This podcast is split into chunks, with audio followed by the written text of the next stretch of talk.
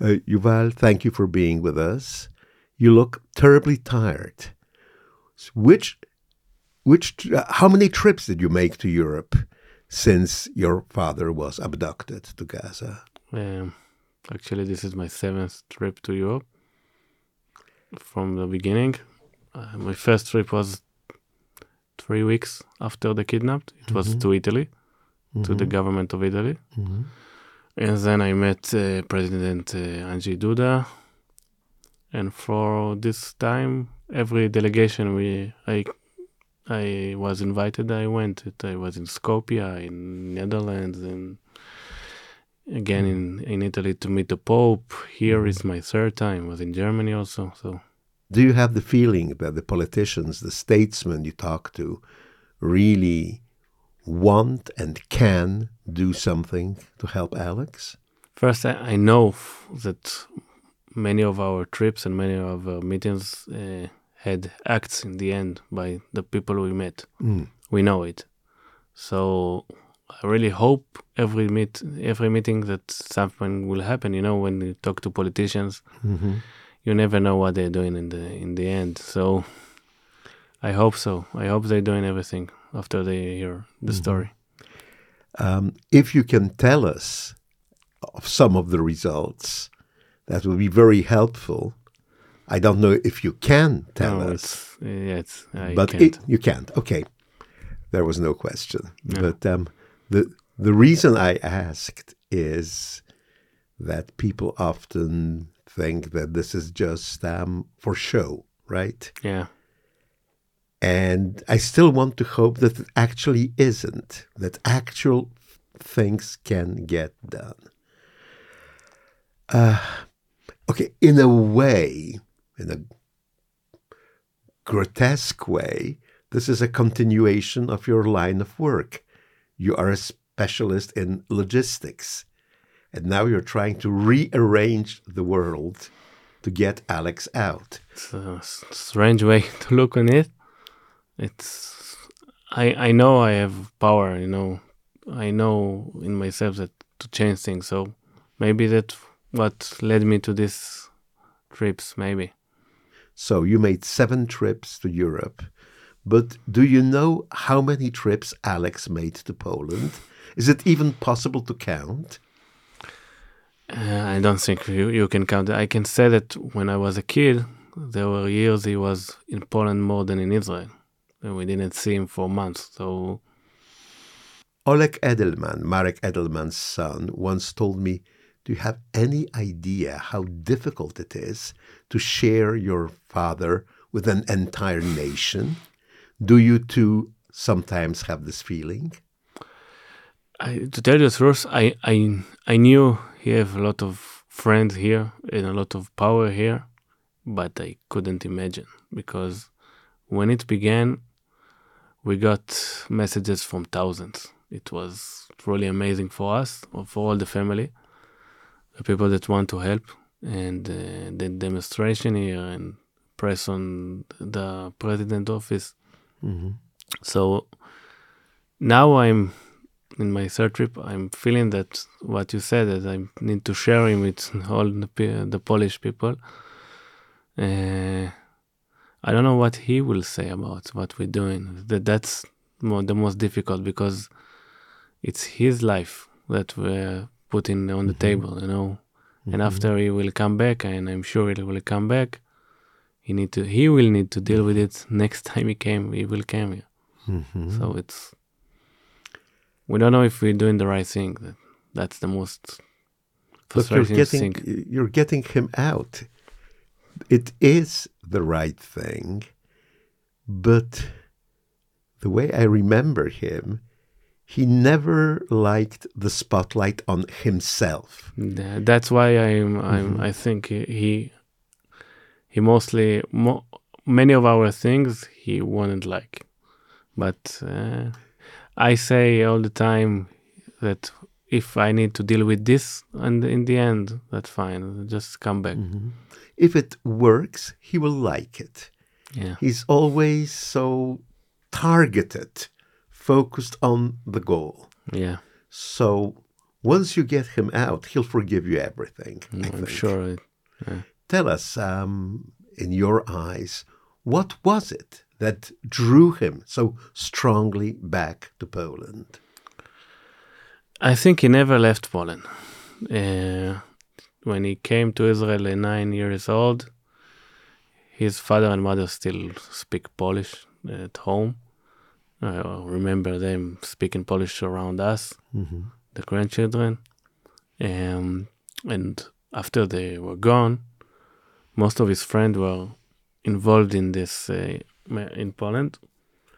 And from 89, when he came here first after 86, I think. uh, something like this case, but he could he could have come here again. hmm Um, the Polish he, we heard so much Polish in our in our house, you know.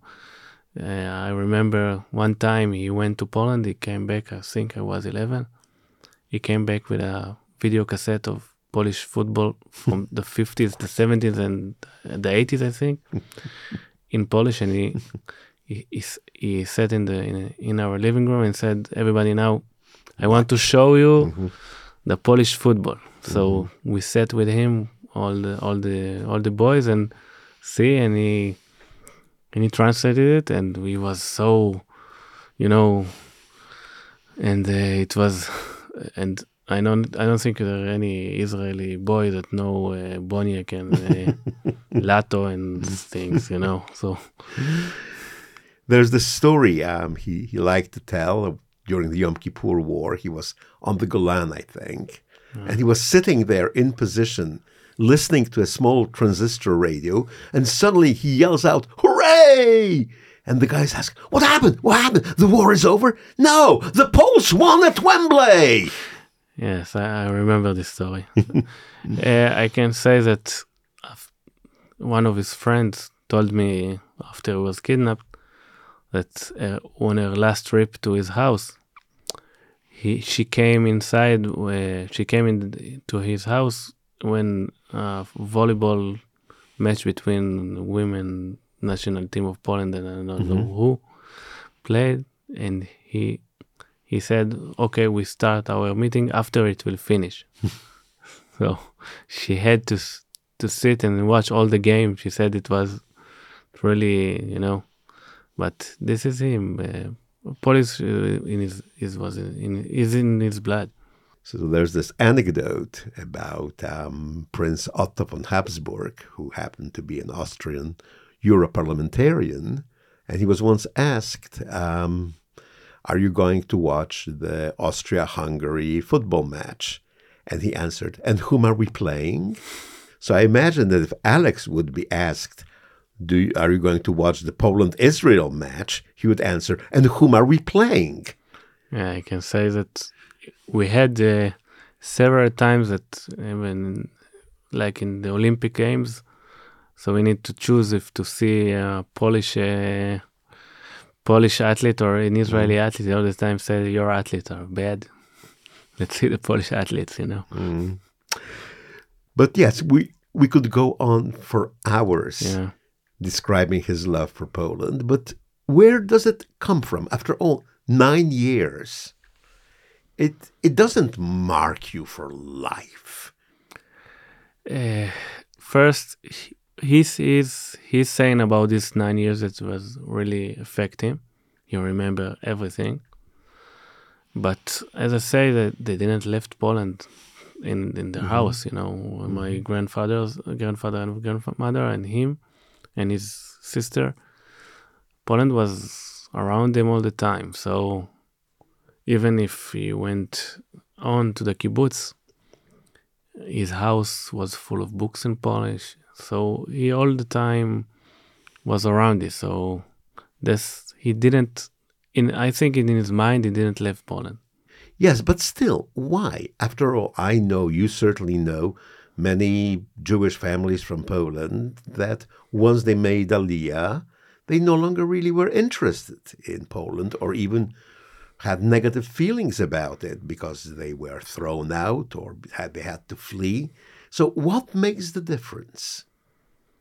It's from the house. As I I can s- say that I don't really remember because I was little, but hmm from the stories I know that my grandfather didn't want to come to Israel. Yeah.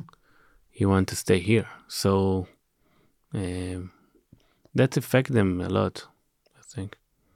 And yet, he look, he enjoyed Poland. You can ask. You need to ask him I certainly will. I uh, mm, because we all, all the all the boys didn't connect to Polish culture. You know, I we have, I don't know a word in Polish. mhm. I don't, so it I don't know why he was so uh, involved in this, but I think it was in his blood, as I said, from house. You know. When I met him here, it was so obvious that you didn't even ask. I mean, he was in his element here, Yeah. right? I certainly will ask him. Yeah. And of course, um, Poland couldn't compete for you with Israel. I mean, you were full immersion in Israel. You're, No, you're born Israeli. But he, he is also a full Israeli. You know, Yeah. Like this is the point. his his friends say 200% a man. You know, 100% Polish and 100% Israeli be- because he was 100% Israeli because Mhm. to be architectural and, and to work in the fields and Mhm. to go every morning to the fields and uh, it was as important to him like a guide in Poland. Absolutely. So he had the, his all the time his conflict within between Poland and Israel, but I think he he loved both countries the same. But when you say conflict, do you mean just a time conflict? Um, or it, was it that different values were involved in his love for both countries? Uh, I think it's different values because Mhm.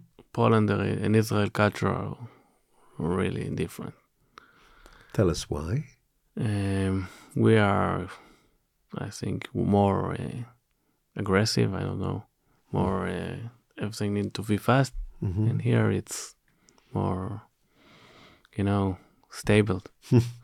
This will come as news to our listeners. You may That's be sure of that. Now you are like now Poland is like Israel, you know. But uh, if you s- look uh, back, I think that he he found his soul in Poland Mhm. and his mind in Israel. I can say. That's a very interesting way of putting it. Mhm. You're right, because Alex um, is the incarnation of the Israeli dream, right? He's the intellectual who works in the fields, the scholar who is also a soldier. He incarnates all the values that the state of Israel expects of its citizens. But Israel seems to think that once you incarnate all those values, that's enough. You don't need to look for something more overseas. In this sense, didn't his, some of his Israeli friends see his love of Poland not as a betrayal of Israel, No. but as like looking for something more? Yeah. Did, did you get that feeling? Yeah, yeah. I- think many call him the Paul, you know, Mhm. to to to see if he would get angry from this. But uh, Made them happy. but uh, for him it was happy, you know, because he said, "Okay, I don't care. You call you calling me like this."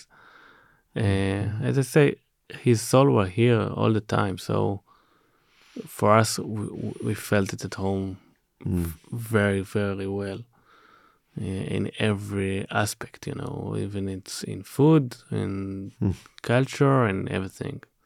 Even though most of his our uh, the children didn't, you know, were involved in Polish because uh, it, we are truly Israelis. So Mhm. um, for him, it was another, you know, an, another issue that was his, you know. So, what was it like to grow up as Alex's son when an important part of him was in a different language and on a different continent? Wasn't it difficult? Uh, yes, of course, but uh, I grew up in a kibbutz, and Mhm, uh, okay. I grew up in the former, hmm uh, like in the kibbutz. So we grew up in a children home. hmm So most of his trips, it was regular for us. You know, we used, we used to get used to it. And but you know, you when you grow up as a son of him, you have to know history. hmm You have to listen to his lectures at Mm. home. It was difficult, but you have to, and you have to listen to to his talking about Poland. So I think I know most of many children in Israel about Poland, hmm and uh, I saw it when I came here on a delegation of children when Uh-huh. I was 18 Mm. that many of the things he told my friends I already knew.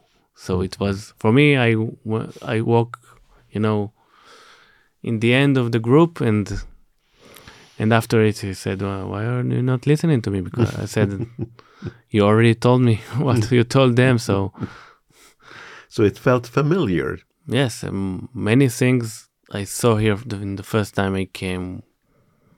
I already knew, already, you know, what to expect. hmm and um yes, because we felt it at home, as I said.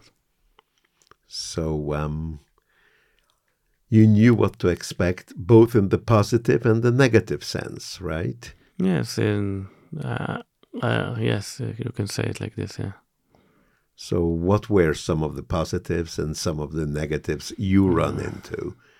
That's a difficult question. Um, I saw the positive thing was that he glow. He was glowing up here. You know, for him, I saw how he's so for so uh, happy to to show me where he grew up.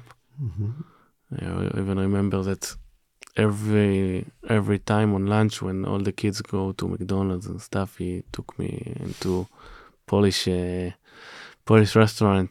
The, le- I will show you uh, my, hmm my my dishes, you know. Um, I didn't like them, so this maybe the, the negative thing. uh, I don't know, remember something negative, but for me, um, the negative thing, maybe it's to hear another time and another time every story. So, yeah, then maybe this is the was the negative thing. I remember Alex telling me about his military service and his remaining in the unit, although he was really a fatigue by then. But his commander asked him and he remained. And Alex says, I don't want to jump. I'm a grown man. I've got three kids. It's ridiculous for me to jump with a parachute. And you now yourself are the father of three children. So, being a father, do you now see Alex differently than when you were only a son? This is also a difficult question because um, I think our way of living is very far from our way of living in the kibbutz. Mm-hmm. So the similarity is I can't find the similarity with the, between us, you know. Um,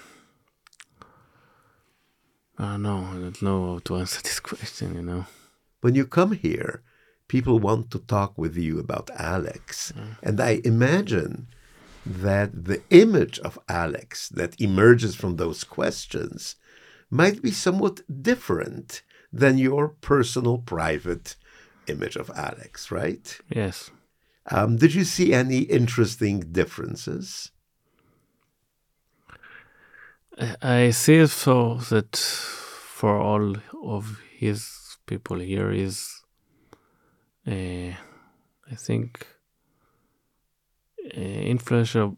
It's it's it's an educator for all of them, it's a teacher for all of them, and I see is uh, how he they describe how he's how he talks and you know uh, to us he talk different it was really for me as i said in the beginning we were really surprised for the amount of people that want to talk about him And this was the really surprising for us.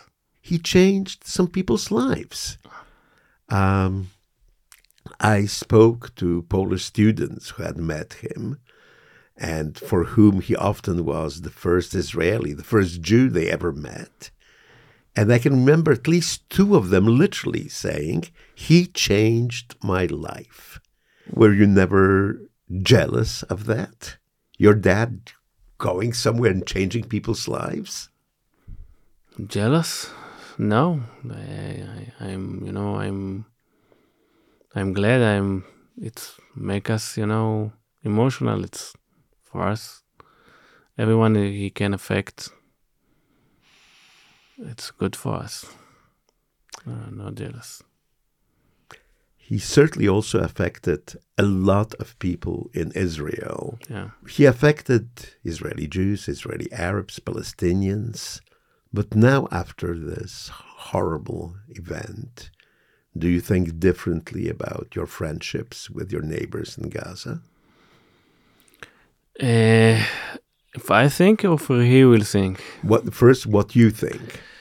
Him we will ask, and I pretty know yes. pretty well know what he will say. But I'm curious what you will say.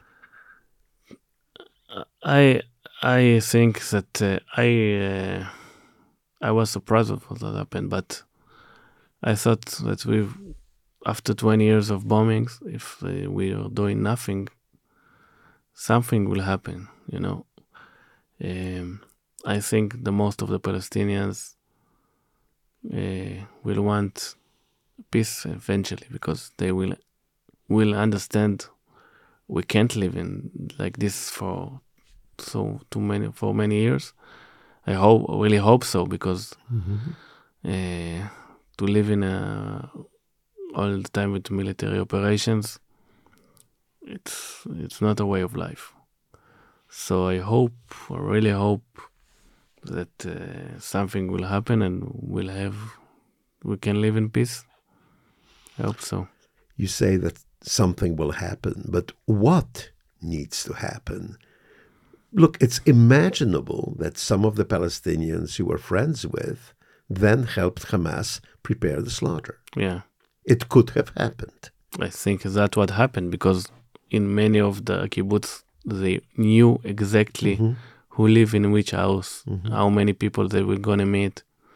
So they had to have information from inside. Uh, we really don't know from where they had this information. I think Israel will check it and you know research what happened, and I hope we'll get results. We'll understand what happened, so it won't happen again. Um, and I hope the Palestinians will understand that we can't live like this anymore. So, what needs to happen? I don't know. You you need to ask the politicians. I don't know.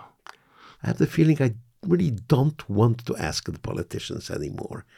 I'm completely fed up with the answers I get. I'm much more interested in the answers you can give me.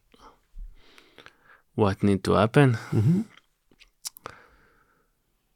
As I say, everybody need to understand that we need to live in Israel like normal human beings yeah, all over the world. But uh, Unfortunately, there are many places in the world that still didn't live like new, normal human beings. But first, we are humans, all of us.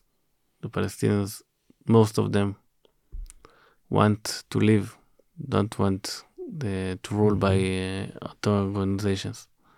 So I hope the international community will will help us vanish Hamas and vanish all the all all these terrorist organizations, so we can live in in peace all over the world. You know, because first it will be Hamas, it was Daesh, Al Qaeda, now Hamas. Next time it can be a terror organization in Europe. It's you know in Sweden and in other countries there are there are already military military uh, militias in there. So I really hope that the international community will will uh, will wake up because I think the solution to this to this conflict is depend on the international on the international community and not on Israel and not on the Palestinians because it's not only our conflict. That's what everybody need to understand when they look, you know, in narrow about about it, what happened in Israel and say this is your this is your responsibility. They don't understand that we knock on their door. So, what is the responsibility of the international community in this case? They need to first pressure the countries that are supporting these terror organizations. I think they need to to work somehow to condemn them from the international international community. Um, and then something will happen. But unfortunately, I'm not so optimistic that something like this will happen. I don't really see the UN condemning Turkey, Iran, Russia. So if this doesn't happen, what has? I what don't, will? I don't think, to tell the truth, uh, the way the UN is is is worked, we can't have hope in this in this organization because now we have more countries that are not democrats and not liberals in the UN. So, it, of course, they will speak to Israel like Israel is the most, you know, cruel country in the world. But they, when we have more condemns than Iran Mhm. or more condemns than Russia, it's absurd, you know. So I, I think the free world need to think how to organize things different how to take things different. We are the UN established in 48. Uh, maybe it's not uh, really, you know, we need to do something, something different. You said earlier that first Israel needs to defeat Hamas, and I agree with you completely. But what should happen on the day after? A Palestinian state? I don't know. We need to find a solution. Uh, but I tell you the truth, I, I can't see the the day after because Mhm. for me, I live now my day because if one, the 106 hostages won't come back, and if all of them will come back in coffins, I don't think I don't see how we can live anymore in Israel, in peace and in security. So, first,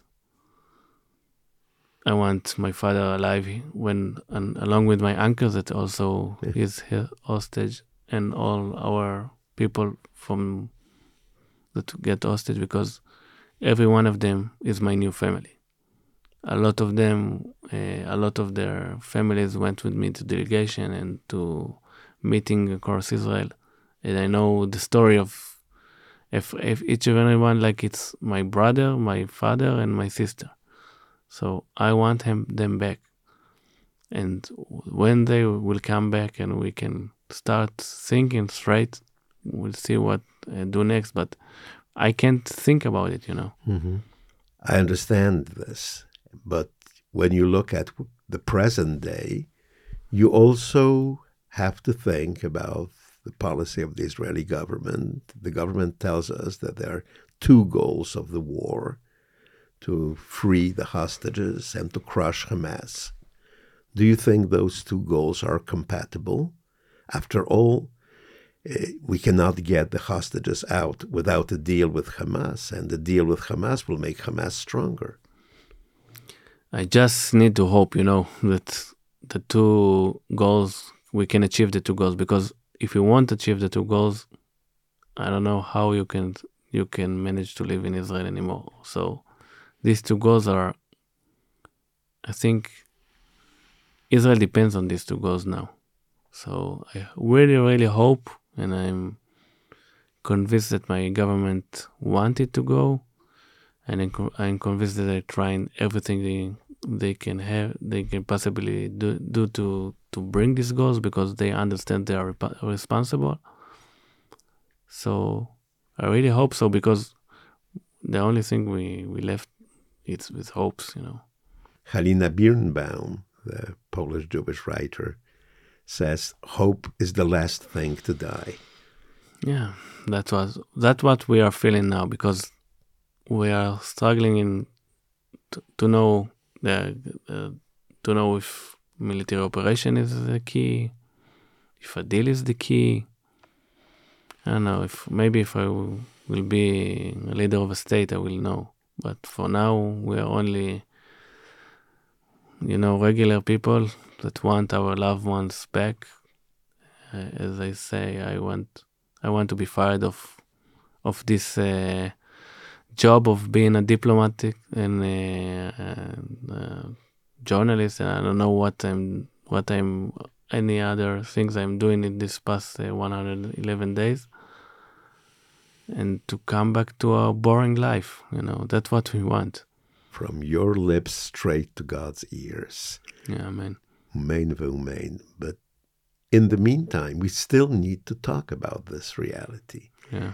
Alex's brother in law is now on the border demonstrating against humanitarian aid being sent into Gaza yeah. and saying that it is absurd that Israel is sending food, water, fuel, medication to the Palestinians in Gaza who are torturing the, the hostages. What yeah. what do you think about it?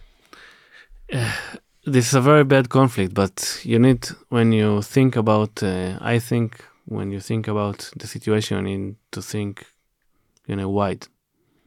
Because if we won't get humanitarian aid inside, we don't get international legitimacy to to to persuade in this in this conflict. And if we don't get humanitarian aid inside, what my, my father will eat? That's what I'm thinking. I'm thinking that the, this humanitarian aid mo- mostly that's what keep them alive. Mm-hmm. So uh, where it's a very bad conflict because you see the Palestinians that many of them made things in our kibbutz that now sit in the in humanitarian corridor like they are normal civilians and getting food and water after what they did. But we need to think. I think we need to think wide on everything. When when we we demonstrate, we can demonstrate. It's important to say this, but in the end, it's also important uh, important to get inside humanitarian aid. There is no unanimity in the community of the families about the proper strategy. There are those who say that um, we need to put maximum pressure on Hamas to force them to give up the hostages. And there are those who say we need to make the maximum concessions to Hamas in order to buy out our loved ones. Where do you place yourself in this divide? I, I will say something that will sound awkward, you know. Everybody writes because nobody knows what will affect to, f- to finish this situation. So I say, do everything you think could help. Everybody will do what they think could help. It will help. So uh, I am, I am, from my point of view, I'm trying to use my father power for international pressure because I think it's it's the most important thing in this conflict. Uh, I can say that even in, in our family, uh, my brothers think don't think uh, the same. So everybody needs to do what he can do, and uh, maybe I'm right, maybe the other one is right. I don't care, as, as less we are trying to do something. I have this feeling when we are discussing this matter here in safe Warsaw, yeah. it is as if we were discussing events on Mars. That the difference in the existential situation of Poles here and Israelis and Palestinians there is just mind boggling.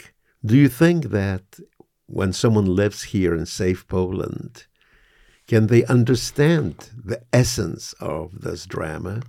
Or is it simply beyond our imagination? I will say something I don't know if everybody will like to hear, but you say safe Poland and safe Warsaw. When these things happen in the world and nobody doing nothing in Ukraine and in Israel, there are no safe places all over the world. Uh, when people will realize they're in danger because they're doing nothing,